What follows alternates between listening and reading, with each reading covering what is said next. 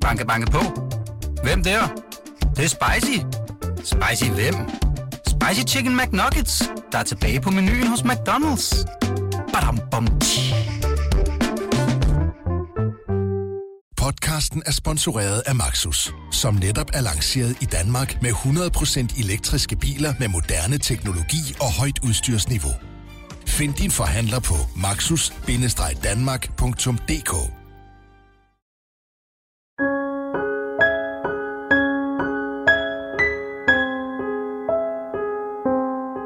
10. juli 2016 forsvandt 17-årige Emilie Meng fra Korsør station. Fem og en halv måned senere blev hendes lig fundet i en sø ved Regnemarksbakke. Sagen er vokset til den største drabs efterforskning i nyere tid. Hundredvis af personer har været i politiets søgelys, men alligevel er drabet på Emilie Meng stadig uopklaret. I en række afsnit kigger vi på det omfattende net af mistænkte. Vi opsøger mulige gerningsmænd, taler med vidner, afprøver spor, der kaster nyt lys over sagen. Du lytter til anden sæson af Emilie Mængmysteriet. De mistænkte.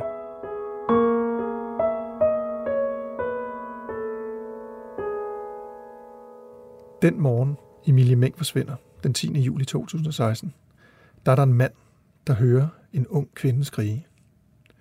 Den her mand, Jesper, hvor er han? Og hvad er det helt præcis, han hører? Der er tale om en ældre udviklingshemmet mand, som bor på en boinstitution, der ligger i forlængelse af et plejehjem. Og øh, plejehjemmet ligger for enden af Kodakstien, som er den sti, der fører fra Korsør station og ned i det område, der hedder Motalavej. Mm. Det er den sti, som det formodes, at Emilie er gået ned af, fordi det var den vej, øh, Emilie og hendes veninder plejede at gå af, når de gik øh, fra Korsør station og hjem. Ja. Det her med, at manden sidder på altanen, det er faktisk noget, han ofte gør, har vi fået at vide. Han øh, kan tit ikke sove, øh, vågner tidligt, og så sætter han sig ud ligesom for at ja, få de første stille timer derude. Men den pågældende morgen, hvor han hører det her skrig, der går han faktisk øh, på den anden side af middag ned i det fælleskøkken, der er i bofællesskabet, og øh, retter henvendelse til nogle af de medarbejdere, der er på plejehjemmet.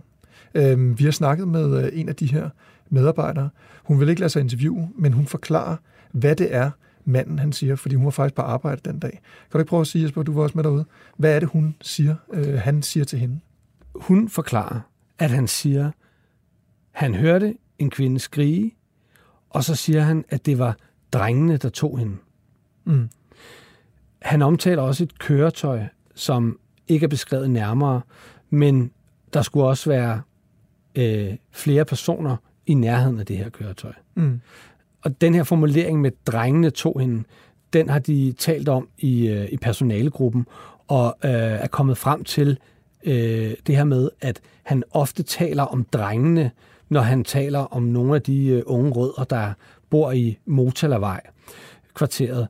Og Motalavej-kvarteret, det er jo sådan et område, som øh, har været på ghetto-listen, og hvor der bor øh, en, en del personer med øh, anden etnisk baggrund, og, øh, og en del personer, øh, som er socialt udsatte eller arbejdsløse. Øhm, og dem har han tit omtalt som drengene. Det er i hvert fald den, øh, den øh, forklaring, de sådan er kommet frem til blandt personalet. Ja. Men, men det, der også er opsigtvækkende, hvis jeg lige må sige det, det er jo, at den forklaring, han giver til personalet, giver han på et tidspunkt, hvor Emilie Meng ikke var efterlyst. Der var ingen, der vidste på det tidspunkt, at hun var forsvundet. Nej, og lige præcis. Det hun lægger vægt på, hende som, øh, altså den ansatte, som vi snakker om, det er, den her ældre herre, han er ikke en person, der følger med i medierne, eller holder sig orienteret ved hjælp af ja, internet, tv, radio osv. Så, videre. så han ved ikke, at Emilie er forsvundet på det pågældende tidspunkt. Han retter henvendelse til personalet. Så den eneste grund til, at de ved det, det er, fordi de har internt snakket om det.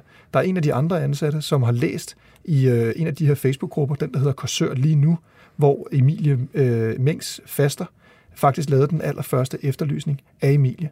Og der er en, der har læst den her efterlysning, at en 17-årig pige er savnet i Korsør. Øh, så det er faktisk personalet, der lige pludselig kæder det her skrig sammen med forsvindingen af Emilie. Men det er ikke sådan så, at de, øh, de tænker øh, en til en, at det kan være Emilie, der har skrevet. Så det, de gør, det er, at øh, de slår det faktisk lidt hen.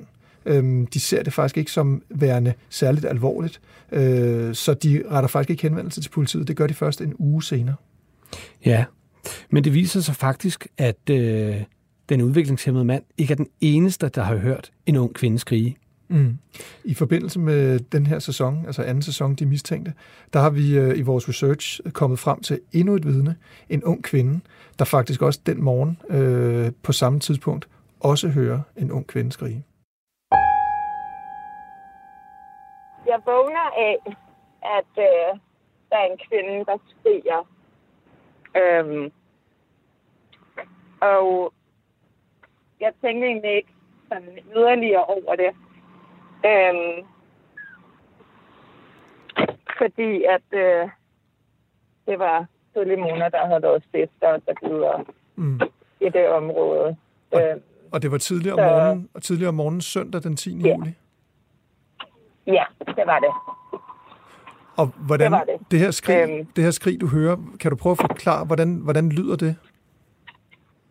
Jamen, altså, det var sådan lidt et desperat skrig.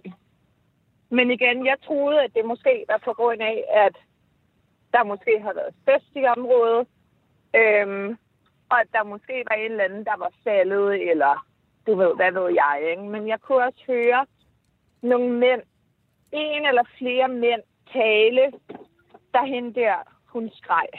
Okay. Øhm, så jeg tænkte, jeg tænkte, at den kvinde, der skreg, hun var sammen med nogen, som måske hjalp hende. Okay. Hvad, øhm, kunne du høre, hvad, de der mænd, kunne du høre, hvad de sagde, eller hvor mange der var? Nej, jeg kunne ikke høre, hvad de sagde, og jeg kunne heller ikke høre, hvor mange der var. Der har nok været et par stykker, så vidt jeg kunne høre. Øhm, men, men, men jeg kunne ikke rigtig fange hvad det, fordi de var langt væk. De var rimelig langt væk fra, fra der, hvor jeg boede. Mm. Øhm, altså, du vågner af det her skrig, og du synes, at du kan fornemme, at der er noget desperation i skriget. Hvad, hvad, hvordan reagerer du på det? Altså, hvad, hvad, hvad, hvad, går, hvad går gennem dit hoved på det tidspunkt? Altså, jeg overvejede faktisk et minut at gå ned og kigge. Øhm, men, men så var det, jeg tænkte, jamen, der er nok noget fest i området, et eller andet. Det kunne være en, der var kommet op og slås, eller en, som var faldet, eller et eller andet i den stil. Så jeg tænkte egentlig ikke yderligere over det. Og det var faktisk først senere, da da det kom frem, at Emilie hun var forsvundet, at jeg kom hen til min mor og sagde, hey, ved du hvad, jeg hørte faktisk en kvinde skrige. Øhm, og jeg mener altså også nok, at jeg faktisk ringede til politiet og fortalte dem om det. Hvor de bare børste der vejen, og ej nej, men hun, hun har det sikkert fint, og øhm, altså, okay. altså det blev, ikke, det, det, blev ikke taget, det blev ikke taget ret seriøst, vil jeg sige. Okay. Og hvad, kan, du huske, kan du huske, hvad tid på døgnet du ringede øh, til politiet? Det har været om aftenen, tror jeg, eller dagen efter måske. Jeg kan ikke helt huske, om det var om aftenen, eller om det var om dagen Nej. efter.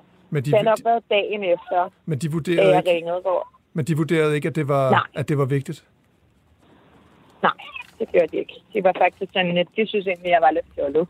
Okay, det sagde de til dig, eller hvad? Ja, det gjorde de. De synes, at det var lidt fjollet. Fordi at de mente jo, at hun var løbet væk, og jeg ved ikke hvad andet. Øh, hvor jeg tænkte, jamen, det må have noget med det at gøre, fordi hun var den eneste kvinde, der skreg den mm. morgen. Øh, og hvad hedder det? Øh, tror du, tror du, tror du den dag i dag, var, at det var, har haft noget med Emilie at gøre? Det tror jeg. Det tror jeg, ja. Fordi det var et nogenlunde roligt område. Altså, mm. det var ikke et område, hvor man sådan ofte hørte, hørte hørt kvinder, der skreg, eller folk, der kom op og slås, eller et eller andet. Det var et nogenlunde roligt område, så jeg tror helt sikkert, at det har haft noget med det at gøre. Men har du talt med politiet siden? Nej, det har jeg ikke. Øh, jeg følte ikke rigtigt, at de tog det seriøst, og i starten, der sagde de jo, at hun er bare løbet væk, og hun kommer sikkert hjem igen, og, og jeg følte ligesom ikke rigtigt, at de, de tog de henvendelser seriøst, som de fik. Øh, og det er lidt, lidt ærgerligt. Altså, men på den anden side, tror jeg heller ikke, at de har kunne gøre, gøre fra eller til. Fordi jeg tror, at der er sket noget med hende dernede i det område, hvor hun skreg. Mm. Altså, det her, det her... Bane, hun er blevet kidnappet eller et eller andet i den stil. Det her skrig, som du, øh, du siger var en lille smule desperat, var det sådan et, altså lød det som et skrig, at der er nogen, der bliver overrasket, eller lød det som et skrig, der kom af noget smerte, eller hvordan øh, vil du karakterisere det? Altså, jeg vil sige, det lød nærmest som en, der blev overfaldet. Og det er også derfor, jeg siger, at jeg troede måske, at det var fordi, at der var en kvinde, der var faldet eller et eller andet. Du ved. Fordi hun havde været fuld. Mm. Øh, men også fordi, at jeg kunne høre andre. Altså, det var ikke kun hende. Der var, der var et par stykker andre. Mm. Øh, men... Øh, og der var kun et skrig. Altså, der var, ikke et, der var ikke et skrig, og så et skrig mere, eller noget. Det var kun en, en, en, altså et skrig. Så vidt jeg kunne høre, så var der kun et skrig. Så vidt jeg kan huske, så var der kun et skrig. Ja. Det var en gang, at hun skreg, og så blev der stille, efter at de der mænd, de havde talt. Øh, at det ærger mig lidt, at jeg ikke huske, hvad de sagde. At det ikke er frisk i min hukommelse. Øh, men jeg kan helt sikkert huske, at der var nogen sammen med hende. Og det var også derfor, jeg valgte ikke at gå ned. Fordi havde hun, altså, havde hun været alene, havde der ikke været nogen, så, så var jeg nok gået ned og kigge. Øhm, men fordi jeg kunne høre, at der var nogen sammen med hende, så tænkte jeg, så, så er der nok nogen, der, der hjælper hende. Ikke?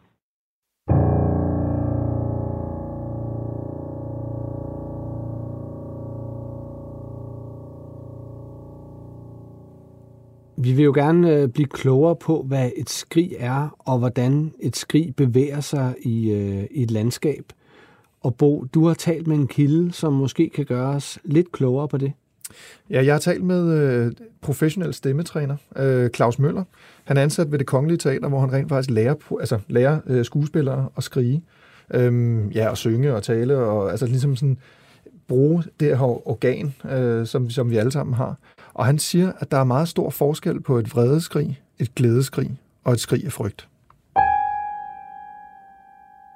Et skrig bliver altid defineret som en meget højfrekvent tone. Det, man kan ikke sige, at ja, hun skreg helt stille, for eksempel. Ikke? Så det er altid noget, der har rigtig meget decibel i sig, altså noget med en stor energiudladning. Og så ligger det altid oppe i et, et højt leje i øh, den menneskelige stemme, eller hvis man hører dyr, der skriger også, så er det aldrig en, en, en lav lyd, det er altid en høj lyd. Er der nogen skrig, som er øh, som, som går tættere på følelsesregisteret, hvis man kan sige det på den måde. Altså, som er nemmere at høre frem for andre skrig. Altså, der er jo et, et glædeskrig, forestiller mig, et vredeskrig, og så måske et skrig af frygt. Jeg tror, i min profession vil jeg altid tale om, at der er to forskellige former for skrig. Der er det, hvor man ved, at der er nogen, der faker et skrig. Ikke? Det kan vi høre. Jeg ved, hvis en skuespiller faker et skrig, så ved man, ah, det, det tror vi ikke helt på. Ikke? Så det er, den, det er den ene ting. Og så er der dem, der på en eller anden måde kommer ud af en følelse. Altså, at vi bliver overrasket, eller bange, eller vi bliver glade, eller et eller andet. Det, det gør noget andet. Og det er i virkeligheden den direkte reaktion, der er i vores krop, hvor vores krop reagerer meget hurtigt, som sætter luftflowet i gang, og som så gør, at det, det, vi, det vi laver, er noget, vi i virkeligheden ikke kontrollerer. Hvis man giver sig til at tænke, nu skal jeg producere et skrig på en høj tone, og det skal lyde sådan her, så bliver det falskt. Men hvis jeg ved, at det er bare en reaktion, der kommer fra min krop, så vil jeg kunne høre, om det skrig er øh, et frygtskrig, eller et glædeskrig, eller hvilke andre kategorier vi nu kan putte skrig ind i. Ja. Hvis man, hvis man nu tager isolerer frygt, for eksempel, mm. hvor der måske er noget adrenalin eller noget andet involveret, vil det, vil det være højere? Altså vil der være en urkraft gemt i os, som kan skrige højere, hvis vi føler os bange eller troede? Eller? Ja, det tror jeg. Så jeg tror, der, jeg tror, der er en reaktion i kroppen, som gør, at stemmen den kommer, til at få, den kommer til at fungere på en anden måde. Jo mere vores krop den går i fight or flight mode, altså der, hvor, hvor alt i os i virkeligheden lukker sammen, så, øh, så bliver skriget endnu kraftigere når vi mærker, at vi bliver bange for et eller andet, eller nervøse for et eller andet, eller angste for et eller andet, så sker der to ting, som har noget med stemmen at gøre. Vi spænder helt vildt i hele vores kormuskulatur, altså i vores vejrtrækning. Ikke? Så, så, så vi, vi kan ikke trække vejret der. Og der sker også det, at vi kommer til at lukke vores strube helt sammen, så vi faktisk kommer derhen, hvor vi i virkeligheden kunne holde luften inde og holde luften i lang tid, at holde vejret i lang tid. Og når der så kommer virkelig meget lufttryk igennem noget, der næsten er lukket sammen, så er det der, hvor vi hører, at så bliver det til det her frygtskrig, hvor vi kan mærke, at det bliver presset ud igennem noget, så, hvor vi måske i virkeligheden prøver på at kontrollere, altså lade være med at skrige. Mm. Men det bliver en reaktion, som vi ikke selv kan kontrollere. Emilie Meng, hun sang i kor og var korsangerinde. Og øh, har på den måde selvfølgelig været vant til at bruge sin stemme. Mm. Jeg ved ikke, om kan det have haft en... Øh, det vil jeg helt afgjort tro, vil have en, fordi det er også noget at gøre med, at så er man også som sanger, er man vant til også at kunne komme op i et højere, højere register i sin stemme, og hvis man ikke er vant til det, så langt de fleste mennesker, der bliver overrasket over noget, som, som ikke har, har udviklet en højere del af deres stemme, de vil som regel ikke råbe ret højt eller skrige ret, ret højt, de vil blive nede i dybere leje i deres stemme. Men hvis man er vant til at bruge sin stemme, så vil, vil jeg tro, det vil være mere sandsynligt, at man går op og øh, skriger også i en højere del af stemmen. Okay, og dermed kan et skrig fra den person bevæge sig længere? Ja. ja. Den her øh, motorvejstunnel, som jeg var inde på før, hvis vedkommende har stået inde i motorvejstunnelen, så er der jo ligesom skabt det her rum, som du snakkede om med resonans. Vil det kunne forlænge skridets øh, ja, sådan bevægelse? Helt afgjort. Det vil det, fordi så har vi lige præcis fået det rum, som får øh, skridet til at udvikles, øh, når det har forladt øh, den, der skriger læber. Så derfor, hvis man står inde i en, et eller andet afgrænset rum, så, øh, så vil det helt afgjort blive forstærket rigtig meget. Kan man sige noget om, hvordan vi følelsesmæssigt reagerer på et skrig? Jeg tror, hvis skriget er, ja, vi reagerer følelsesmæssigt på et skrig, hvis skriget er ægte. Ikke? Så hvis vi hører et skrig pludselig, uden vi ved, hvorfra det kommer, og vi kan høre, at det ikke er lejende børn eller noget retning, så vil vi reagere på skriget, fordi det vil sætte en reaktion i gang i vores egen krop, som hedder, er det noget, jeg også skal være bange for? Ikke? Så, så skriget vil sætte sådan en kædereaktion i gang omkring de omkringstående, eller dem, der kan høre det, hvor man lige tænker, gud, skal jeg måske være i fare også for et eller andet her? Ikke? Det ved den menneskelige krop. Kan det være med til at forklare måske, hvorfor den her kvinde vågner af skridet? Ja, det tror jeg godt, det kan. Øh, men, men det er klart, at hvis man sover let, og man hører et skrig, så er det noget, som kroppen vil reagere på. Ja. Og hvis man kan høre, som du siger, at det er et ægte skrig, altså det er noget, som er dybfølt, eller, eller ja, en ægte reaktion, ja. så vil det være stærkere. Ja. Og så vil det også være stærkere, hvis, hvis man ved, at om natten, der plejer der at være helt stille. Mm. Hvis, man, hvis, hvis, hvis det var foregået inde midt i København, hvor der aldrig bliver helt stille, så vil man måske ikke have reageret på et skrig på samme måde. Vil der være forskel på, om det er en ung pige, der skriger, eller om det er en, en ældre pige? Altså vil der være mere røst eller mere styrke i en ung stemme end en ældre? Jeg tror, at den unge pige vil som regel kunne skrige i et højere toneleje. Vi ved jo, at en af de ting, vi altid hører med det samme i en stemme, som vi hører første gang, det er, at vi kan næsten altid bestemme, hvor nogenlunde, hvor gammel er vedkommende. Og det vil man også kunne på et skrig. Vi vil kunne høre, at det er en 4-årig, der skriger, eller en 10-årig, eller en 20-årig, eller, eller hvad det er. Hvor langt væk vil man kunne høre et skrig? Noget forskning siger, at man kan høre en menneskelig stemme udendørs cirka 180 meter væk. Men det vil sige, at det vil ikke, man vil ikke kunne føre en samtale over 180 meter. Man vil kunne høre, at der er et andet menneske, som prøver på at lave en lyd, især hvis man er opmærksom på, at den lyd, den er der.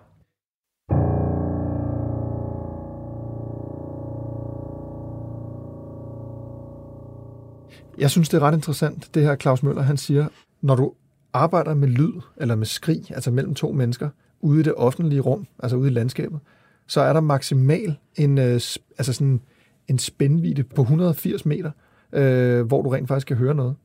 Ja, og det er jo super relevant i forhold til Emilie Meng-sagen, fordi hvis det er Emilie, de her to vidner har kunne høre, så det jo, øh, kan det her jo sige noget om, hvor henne hun er blevet taget. Ja, altså vi har jo i forbindelse med, øh, med det interview, vi lavede med Kim Kliver i øh, et år efter Emilie forsvandt, der sagde han jo til os, uden at overhovedet at være konkret øh, omkring det, at de havde en god formodning om, hvor Emilie var blevet taget hen. Han sagde ikke, det var på Kodakstien, men det er jo den vej, som man, vi formoder, at Emilie er gået. Og det var den vej, som pigerne, øh, som hun var sammen med den aften, så hende gå i retning af. Og hvis det nu er, at vi har to vidner, hvilket vi har, der siger, at de den pågældende nat har hørt en kvinde skrige, men ikke har set en kvinde skrige, så bliver vi jo et eller andet sted nødt til at finde ud af, hvor langt væk kan det her skrig have været kommet fra, for at du kan høre det enten på altanen, eller som kvinde, den unge kvinde, blev vækket i sit soveværelse. Ja, og vi har jo ligesom en naturlig stopper, fordi vi ved, at der sidder et kamera på plejehjemmet, som ikke har fanget Emilie Meng. Det vil sige, at hun kan ikke være kommet ud af den tunnel, der ligger for enden af den sti, hun gik ned af. Mm. Så spørgsmålet er, hvor langt væk fra den tunnel kan hun have skrejet, hvor man stadig ville kunne høre det på plejehjemmet og i boligerne på Mortalavej. Vi har været i Korsør for at teste, hvor langt væk og hvor højt man kan høre et skrig oppe på altanen på bofællesskabet. Grunden til, at vi har gjort det, er for at blive klogere på, hvor Emilie Meng kan være blevet taget.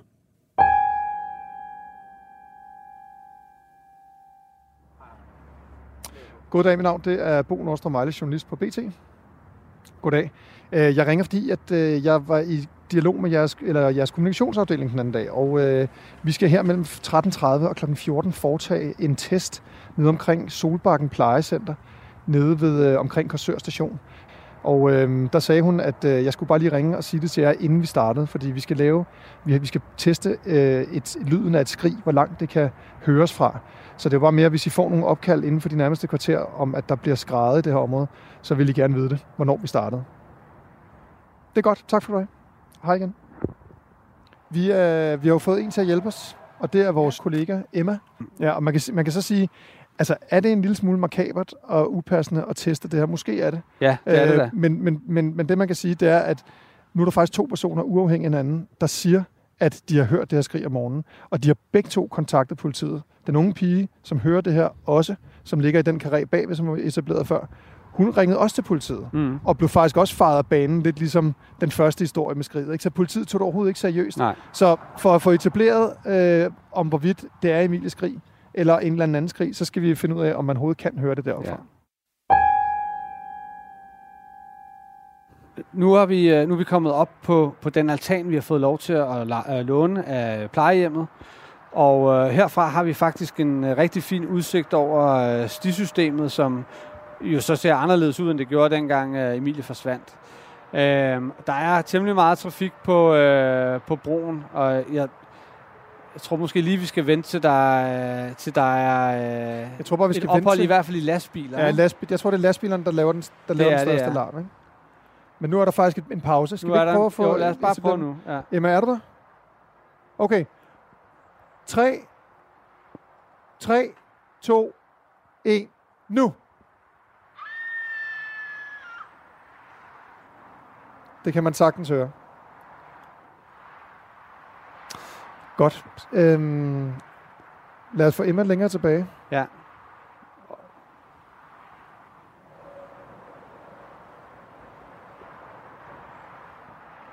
Okay. 3, 2, 1, nu!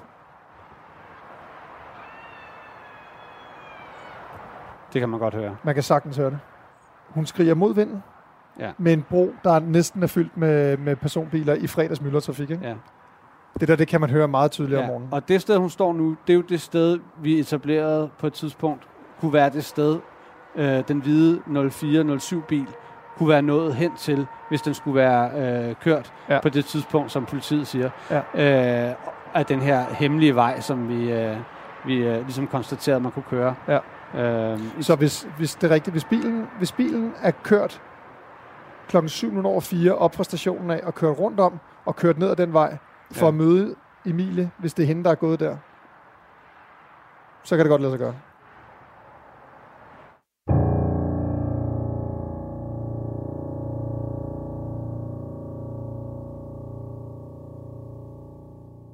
Efter vi har testet de her første to øh, skrig, hvor øh, den første er lige i starten, eller lige på den anden side af tunnelen, hvor der faktisk er lige sådan en lille lomme, hvor at man heller ikke kan se hende op for altanen, fordi der er nogle grene og nogle buske, der ligesom skærmer.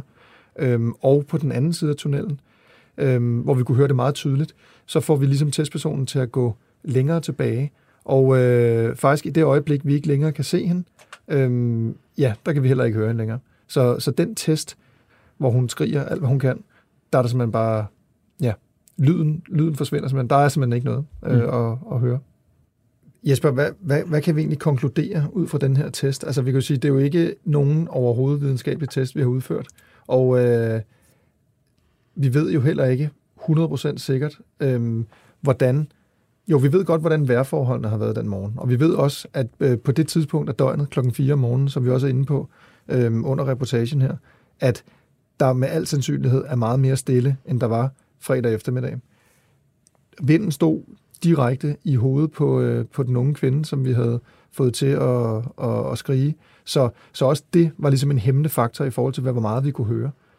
Hvad, hvad tænker du om det her? Jamen, jeg tænker, at øh, selvom man selvfølgelig må tage de her ting øh, i betragtning, øh, så, så kan man i hvert fald godt konkludere, at er der blevet skrevet nede i tunnelen, eller øh, ikke så langt fra tunnelen op ad Kodakstien, så har man kunne høre det meget højt op på altanerne. Mm. Øh, så højt egentlig måske, at man kan undre sig over, at der ikke er flere, der har hørt det. Ja. Øh, men jeg synes også, man kan konkludere, at hvis Emilie er blevet taget længere væk, midt på stien eller helt op ved Korsør station, så har man ikke kunne høre det på altanerne. Det er helt sikkert. Jeg tror også, nu er det, det er det jo en podcast, og det er lyd, og de har, det er jo selvfølgelig svært, og man danner sig sine egne billeder. Øhm, vi har jo ligesom set den her udsigt op fra altanen, og, og kunne kigge ud over det område, hvor Kodakstien løber igennem osv. Og, og den sidste test, der hvor øh, testpersonen går allerlængst væk, det er op på sådan en, en anden side af sådan en lille bakketop, og øh, deroppe er der nok mere end 180 meter. Der er måske 200, 250, 300 meter. Og øh, derop, hvis, hvis det er deroppe eller længere væk, så er det helt tydeligt, at man ikke kan høre det, som du også er inde på. Men det, der faktisk er interessant, det er, at fra den bakketop og hele vejen ned til, hvor øh, motorvejstunnelen den starter, der kan man faktisk se øh, en person komme gående. Så den ældre herre, den her udviklingshemmede mand, som, øh, som bor og sidder på altanen, han ville have kunne se Emilie komme gående den vej, hvis, øh, hvis det er hende. Og øh, det kan jo godt være, at han ikke har været opmærksom på, at der er kommet en gående, eller han måske har siddet og slumret lidt, og også er blevet vækket af det her skrig. Men i hvert fald, der siger han ikke noget om, at han har set en person, eller flere personer, komme gående, inden skridet ligesom øh, kom ned ved tunnelen. Og alt det her forudsætter jo, at det er Emilie Meng, der er blevet hørt skrige. Mm. Men, men det vi jo så i hvert fald ved ud fra det her, det er jo, der har jo været nogen i det område, i den nederste del af tunnelen, som har skrevet. Altså, ellers ville der ikke være to vidner, Nej. der har hørt det. Og, og hvis, de vidner, hvis den person, der har skrevet, ikke er Emilie Meng, så er det jo et vidne. Ja, men det, som jeg synes måske er lige så interessant, det er, at hun, den unge kvinde, der står frem og fortæller, at hun også hørt det her, og ringet til politiet, hun siger jo lige efter, hun hører det her kvindeskrig, der hører hun en mandens stemme. Så kvindeskriget er jo, altså kvinden er jo ikke alene, da hun skriger. Der er jo en eller anden ja. øh, med hende også. Så der er jo i hvert fald to personer, ja. eller flere, og det kan jo godt være, det ikke er dem. Det kan godt være, det ikke er Emilie Meng og hendes drabsmand. Det kan godt være, det er nogle andre personer. Men dem har jeg, øh, jeg har aldrig talt med dem. Jeg har aldrig hørt om dem. Og hvis de sidder derude og hører den her podcast, og det ikke er Emilie Meng, der har skrevet dernede, det er en anden kvinde, så må hun meget gerne skrive til meng bt.dk m e n g bt.dk at give sig til kende, så vi kan udelukke, at Emilie Meng har skrevet og er blevet taget i den del øh, af Kodak-stilen.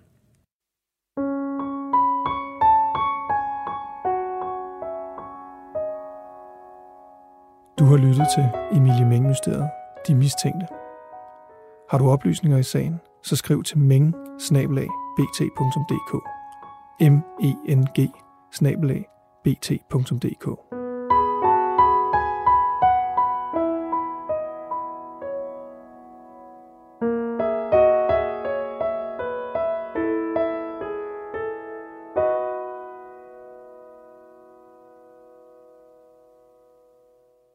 Podcasten er fortalt af Jesper Vestergaard Larsen og Bo Nordstrøm Vejle. Klippet af Kasper Risgaard og musik af Andreas Ravn. Banke, banke på. Hvem der? Det, det er spicy. Spicy hvem? Spicy Chicken McNuggets, der er tilbage på menuen hos McDonald's. Badum, bom, tji.